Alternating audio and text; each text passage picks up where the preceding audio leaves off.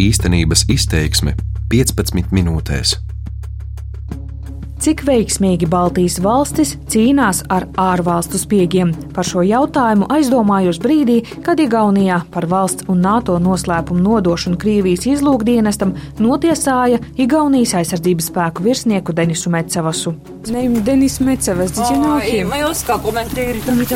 Lietuvā pēdējais notiesātais spiegs Krievijas spēcdienestu uzdevumā bildēja Klaipēdas infrastruktūras objektus. Šī ir mana otrā pieturvieta Baltijas valstu tūrē. Es atrodos Viļņā. No abām kaimiņu valstīm atgriezos ar skaidru secinājumu. Igauni un lietuvieši ļoti nopietni cīnās ar valsts nodevējiem. To apliecina arī skaitļi. Igaunijā par spiegošanu Krievijas labā notiesāti 17 cilvēki, Lietuvā 12 aizdomās turamie un 6 notiesātie. Turklāt visiem piespriests reāls cietumsots. Latvijā spriedumi ir tikai divi nosacīts sots Jurijam Stilvem, kurš vācis informāciju par alūksnes armijas bāzi, naftas produktu noliktavām un vietējo robežu punktu. Latvijas dzelzceļš meistars Aleksandrs Krasnopjorovs, kurš pārfilmējis no video novērošanas sistēmām NATO militārās tehnikas kustību, spriedumu pārsūdzējis. Trešā lieta tikai tagad nonākusi līdz tiesai. Kāpēc mēs atpaliekam no kaimiņiem? Un viņi arī norāda uz mums, kā valsti, kas netiek galā Vai mums nav spiegu, vai arī mēs nespējam viņus izķert? Nebūtu prātīgi vai pareizi pieņemt, ka Krievijas intereses Latvijā būtu mazākas. Kāds ir patiesais iemesls pieticīgai notiesāto spiegu statistikai mūsu zemē? Atbildi es, Ella Simjonova, sniegšu šajā raidījumā īstenības izteiksme. все больше наша любимая страна превращается в маразматическое полицейское государство. Latviju par policijisku, marasmatisku valsti sauc antifašistu komitejas pārstāvis Josifs Korens. Viņš kopā ar vēl dažiem desmitiem Kremļa pozīcijas aizstāvjiem 13. jūnijā atnācis piketēt pie Rīgas pilsētas vidzemes priekšpilsētas tiesas ēkas, kur tajā brīdī sāk skatīt spiegošanā apsūdzētā Oļega Buraka lietu. Daloj, špiona, maniju. Saloj, špiona, maniju. Apsūdzēto atnākusi aizstāvēt arī Latvijas Krievu Savienības līdere, Eiroparlamentāriete Tatjana Ždanoka. Viņa ir pārliecināta, spiegošanas lieta ir politisks pasūtījums. Mūsu laiku 21. gadsimta cilvēki pat tikai izlasot dažus kriminālu detektīvus var saprast, ka tādā veidā nerīkojas spiegi. Слово предоставляется члену Молодежного Сейма. Uzstājas arī jauniešu saimas deputāte Latvijas Krievu Savienības valdes locekle Tatjana Andrieca. Latvija, turot Oļegu Buraku aiz restēm ilgāk par astoņiem mēnešiem, viņas prāt pieļauj lielu netaisnību. Uzskatu, ka Krievija nekad neizvēlētos par spiegu pensionēto virsnieku leitinantu, kurš ir kļuvis slavens ar to, ka cīnījies pret valsts valodas centru un ziedoja Latvijas Krievu savienībai. Es uzskatu, ka spiegus izvēlas rūpīgāk. Ja domāju, Pirms pensionēšanās 2006. gadā Oļegs Buraks bija Latvijas iekšlietu ministrijas informācijas centra šaujam ieroču uzskaites nodaļas priekšnieks un tiešām tika sodīts par valsts valodas nezināšanu. Latviešu valodā viņš nerunā arī tagad. To paziņo brīdī, kad viņu ved uz tiesas sēdi.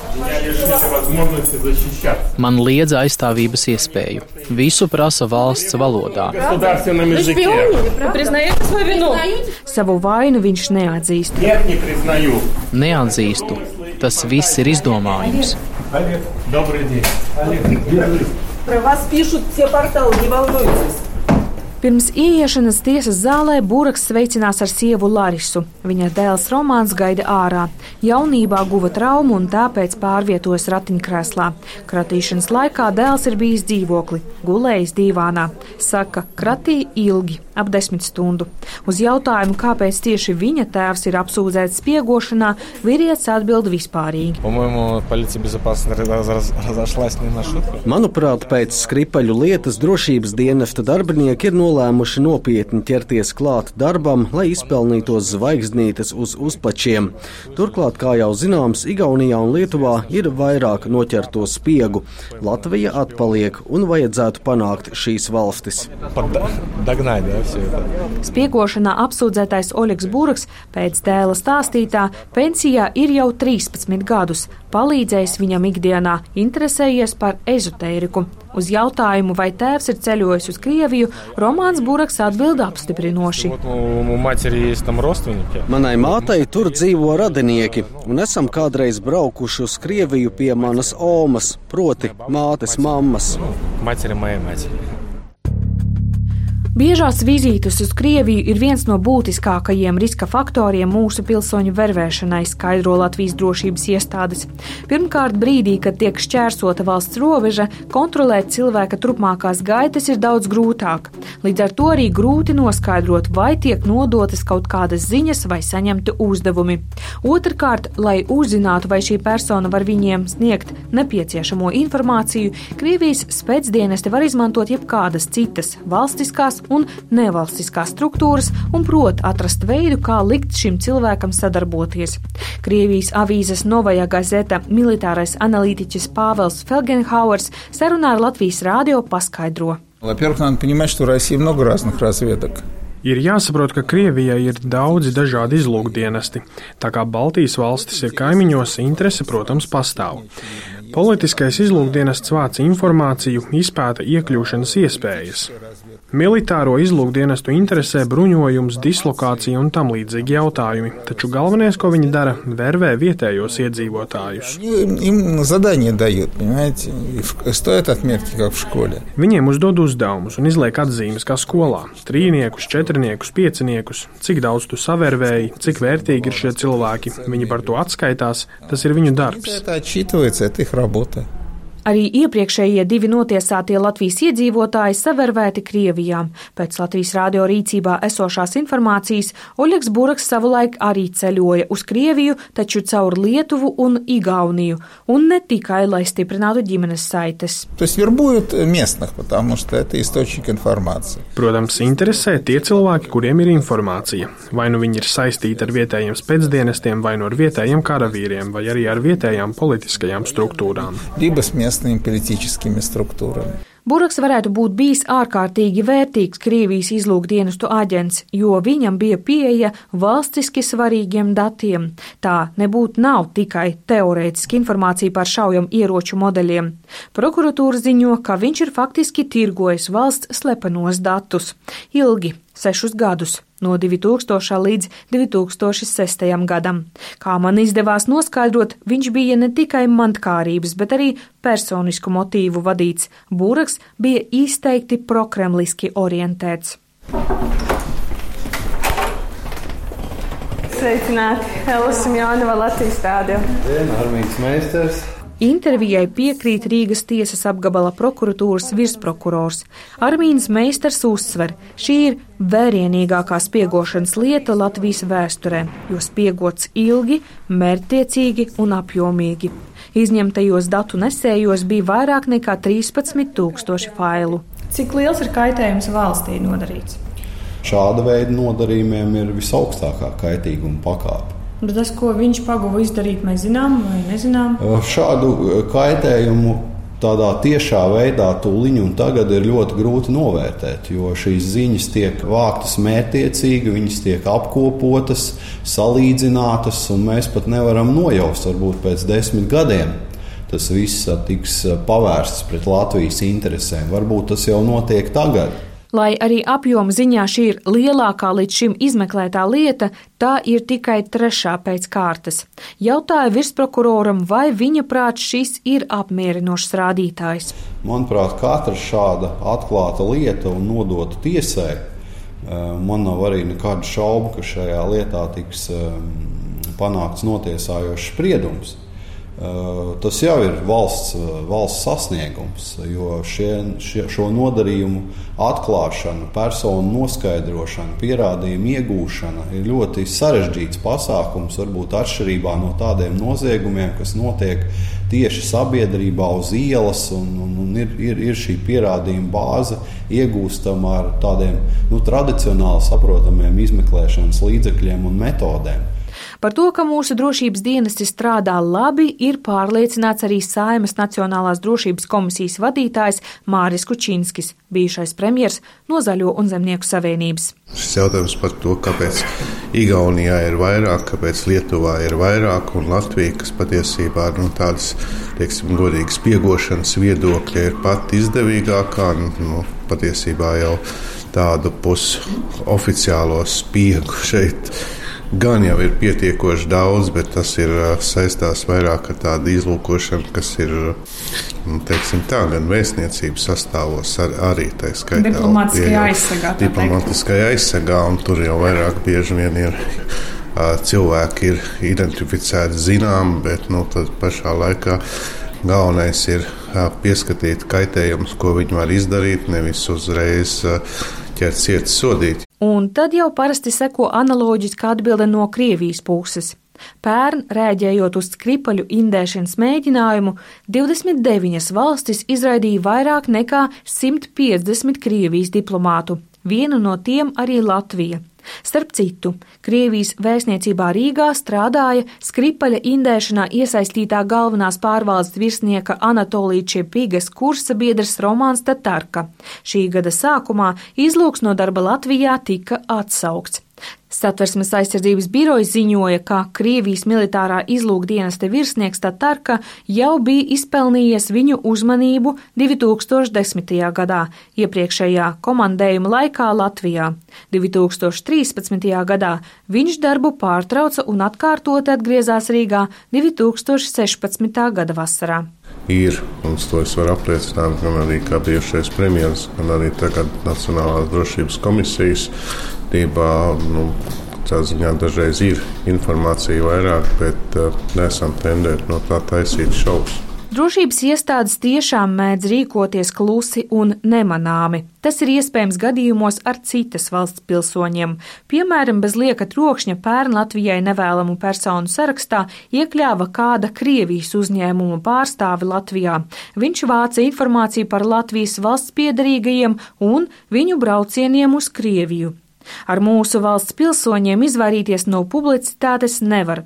Līdz ar to jautājums paliek aktuāls - kāpēc notiesāto ir tik maz? Nacionālās drošības komisijas vadītājs Kučinskis sola to noskaidrot. Ņemot vērā arī jūsu interesi, noteikti pārunāšu arī ar saviem. Jūs Jā. pārunāsiet ar saviem? Pārunāšu ar saviem drošības dienestiem šo atbildi uz jautājumiem, kāpēc kaimiņiem ir tā, un kāpēc mums nav reklāma, kāpēc mums nav brīdinājumu, bet eh, es pārstāvu viedokli, ka bieži vien labāk ir izdarīts darbs nekā publiskā izrādīšanās. Apsteidzot Kučinski šo jautājumu uzdevu pašām drošības iestādēm. Satversmes aizsardzības birojas izvēlējās nekomentēt. Savukārt drošības policija sniedza izsmeļošu rakstisku atbildi, kas pilnā apjomā publicēta Latvijas sabiedrisko mediju portālā lsm.lv. Attiecībā uz notiesāto spiegu skaitu varam norādīt, ka Latvijā saukt pie atbildības personas, kuras darbojušās pret Latvijas republiku un tieši vai ar citas personas starpniecību nodevušas informāciju Krievijas spēcdienestiem, ilgstoši apgrūtināja nepilnīgais tiesiskais regulējums spiegošanas jomā 2016. gada aprīlī pēc Latvijas valsts drošības iestāžu ierosinājuma tika pieņemti būtiski grozījumi krimināla likumā, papildinot pantu par spiegošanu. Krimināla likums, kas nebija grozīts kopš 90. gadu beigām, faktiski bija sasējis drošībniekiem rokas, jo samazināja viņu tiesiskā manevra iespējas. Proti, spiegu varēja saukt pie atbildības tikai tad, ja viņš ir nodevis neizpaužamas ziņas, vācis tās ārvalstu izlūkdienestu uzdevumā, lai šīs ziņas izmantotu pretēji Latvijas Republikas interesēm. Viens teikums, kurā gandrīz katrs vārds apgrūtina tā izpildi, jo praksē informāciju var nodot arī tad, ja tā nav slepena. Nevienmēr pasūtītājs ir ārvalstu izlūkdienests, tās var būt arī citas iestādes. Turklāt persona var izrādīt interesi spiegot arī pati. Kā mums neoficiāli zināms, arī šāds gadījums Latvijas vēsturē ir bijis. Un visbeidzot, bija grūti pierādīt, ka nodotās ziņas izmantoja, lai kaitētu Latvijas interesēm, jo kaitējums var nebūt redzams uzreiz. Paskatoties iepriekšējo likumdošanu, kas bija spēkā līdz 2016. gada maijam, manuprāt, bija gandrīz neiespējami kādu personu patiešām saukt pie atbildības. Tā Evika Siliņa no jaunās vienotības. Viņa grozījuma veikšanas brīdī bija iekšlietu ministrijas parlamentārā sekretāra. Šobrīd ir ministru prezidenta parlamentārā sekretāra. Šie likuma grozījumi ir eh, raduši vismaz iespēju valsts drošības dienestam saukt pie atbildības personas un virzīt lietas krimināla vajāšanai un tālāk, kā mēs redzam, arī prokuratūra viņus virz uz tiesu. Manuprāt, tas jau ir labs rezultāts. Un tagad arī jāgaida, kāda būs šī tiesu prakse. Kad būs vairākas lietas, tad arī var skatīties, vai tur kaut kas vēl ir jāmaina vai nav. Tagad, pēc likuma grozījumiem, pietiek, ja cilvēks apzinās, ka prettiesiski vāc vai nodod informāciju ārvalstī, arī tad, ja šāda nodošana notiek caur starpniekiem un bez īpaša uzdevuma. Es noskaidroju, pirms šiem grozījumiem, ja kādu pilsoni pieķēra spiegošanā, tad tika veikti pasākumi, lai šai personai nebūtu iespējams radīt kaitējumu valstī, piemēram, liedzot pieeju valsts noslēpumam vai saucot pie atbildības par citiem pārkāpumiem. Tātad pirmā un galvenā atbild uz šī raidījuma jautājumu, kāpēc pie mums notiesāts tik maz spiegu, neelastīgu likuma normu dēļ. Taču tik un tā ir jautājums, kāpēc likums tika grozīts tik vēlu. Aiz muguras bija 2008. gada Krievijas-Grūzijas konflikts un 2014. gada Krīmas aneksija. Gan Igaunijā, gan Lietuvā jau bija vairāki notiesātie, tostarp augsta ranga. Latvijā vajadzību pēc likuma izmaiņām apzinājās tikai 2016. gadā. Kāpēc tas beidzot tika izdarīts? Pirmkārt, izpratni veicināja Ukrainas konflikts. Cits izskaidrojums varētu būt NATO klātbūtnes paplašināšana Latvijā. Tas neizbēgami pastiprināja Krievijas izlūkdienesta interesi, un Latvijai bija jāstiprina pretizlūkošana. Treškārt, to sekmēja vadības maiņa drošības policijā. 2014. gada rudenī priekšnieka Jāņa Reinika vietā nāca Normunds Mežviets. Iestādes prioritātes mainījās, stāsta ministru prezidenta parlamentārā sekretāre Evika Siliņa. Manuprāt, tas bija saistībā gan ar Krīmas notikumiem, gan ar jaunu drošības dienestu vadītāju spēkā stāšanos, gan ar politiskajiem uzstādījumiem. Latvijā tobrīd, 16. gadā, bija ļoti augsts šis nu, sajūtu līmenis politiskajā arī vidē par to, kas vispār notiks ar Latviju, kas ir šis drošības, drošības aspekts, jo gan Krīmas notikumi, gan migrācijas krīze, tas viss uzdeva pavisam cita līmeņa ieskatu jautājumos par terorismu, karu, pretdarbiskām rīcībām pret valsti un nu, hibrīdu apdraudējumu kā tādu. Tātad trīs gadu laikā pēc likuma grozīšanas trīs krimināla procesi. Rezultāts ir Otrs nosacījums veiksmīgai spiegu notvēršanai ir atbildīgo drošības dienestu kapacitāte. Tieslietu ministrs Jānis Bordāns no jaunās konservatīvās partijas to darbu sauc par neefektīvu. Drošības dienesti savā starpā konkurē. Tie konkurē ar izmaksām, tie konkurē ar bieži vien pārklājās atbildības sfēras. Tas viss var veicināt un mudina uz informācijas slēpšanu, uz savstarpējo konkurenci, neusticību un, uh, un visādām lietām, kas uh, vēl papildus pavājina. Tas veicina arī piemēram, to, ka varbūt pat noslēpt kaut kādus iekšējus pārkāpumus un, uh, un tam līdzīgi. Tas veicina arī to, ka varbūt izdevīgāk šiem dienestiem, brīžiem šiem dienestiem ir, lai viņi varētu savā starpā konkurēt, viņiem ir jāmeklē atbalsts pie kaut kādiem politiskiem spēkiem viena, otra. Un šādi politiski spēki to ļoti labi apzinās, viņi izmanto un ar dažādām budžeta dotācijām faktiski uzpērk. Kritiku noraida iekšlietu ministrs Sandis Girdens no partijas KPV LV. Viņuprāt, drošības dienesti cēluši kvalitātes latiņu visai augstu, taču aktuāls ir jautājums par finansējumu. Iekšējā drošība ir prioritāte, līdzekļi ir jāpiešķir, jo ar līdzekļiem var tikt iepirkta programmatūra var tikt monitorēts internets, var maksāt operatīviem darbiniekiem, var maksāt aģentūrai. Tas viss ir atkarīgs no līdzekļiem. Ja līdzekļu nav, tad drošības dienestam arī sarūk resursi un iespējamība kvalitatīvi veikt darbu. Līdz ar to mans ieteikums lūdzu atzīt, ka iekšējā drošība ir valsts prioritāte piešķirt atbilstošus līdzekļus, lai arī drošības dienas spēja kvalitatīvi pildīt savu darbu. Detalizēta informācija par drošības iestāžu finansējumu parasti ir valsts noslēpums. Pēc publiski pieejamiem datiem šogad paredzētais finansējums valsts drošības dienestam un militārās izlūkošanas un drošības dienestam pārsniec 18 miljonus eiro katrai no iestādēm. Iekšlietu ministrs atklāja, ka viņš ir prasījis budžeta palielinājumu šim mērķim gan šim, gan nākamajiem gadiem cik un kam nesot izpaužams. Un tāpēc arī šodien es jums nestāstīšu, bet arī mēs cīnījāmies par papildus līdzekļu piešķiršanu. Mums bija pozitīvs lēmums. Līdz ar likuma grozījumiem un finansējumu pieaugumu drošības struktūrām lietu skaits varētu arī pieaugt, taču potenciāls izaicinājums varētu būt šo lietu izskatīšana tiesā. Lietas ir specifiskas, Tiešu pierādījumu mēdz nebūt, tāpēc valsts drošības dienas aicina sagatavot tiesnešus, kas specializējas noziegumos valsts drošības jomā. Tie varētu būt 10-20 tiesneši. Tieslietu ministrs Jānis Bordāns konceptuāli ir gatavs vērtēt šo ideju. Šis jautājums nu, ir jauns, tāds tiktu raisīts attiecībā uz, uz drošību. Noteikti tam nevajadzētu specializēta tiesa. Tas būtu par maz jā, šāda darba. Un eh, šeit gan varētu runāt vai nu par specializētiem tiesnešiem, vai arī veidojamajā ekonomisko un finanšu noziegumu, eh, tā kā ekonomisko lietu un finanšu noziegumu tiesa veidojot, varbūt tas ir šādā iekļauts, jo doma ir eh, veidojot šo specializēto tiesu tāda, ka tā būtu nu, īpaši sarežģīta lietu izskatīšana. Kā savā ikgadējā ziņojumā raksta drošības dienests, Krievijas izlūkdienestu interese par Latvijas iedzīvotājiem, gan amatpersonām, gan parastajiem iedzīvotājiem ir augsta. Cilvēku sniegtā informācija ir vienīgā, kas ļauj pārbaudīt tos datus, kas iegūti no tehniskiem līdzekļiem. Tāpēc iedzīvotāji īpaši jāinformē par potenciāliem riskiem, stāsta NATO strateģiskās komunikācijas izcelības centra direktors Jānis Sārts. Protams, tas ir izlūkdienas kompetencē, zinot to, ko viņi zina, izvērtēt tos riskus un kā vislabāk ir ar tiem tikt galā.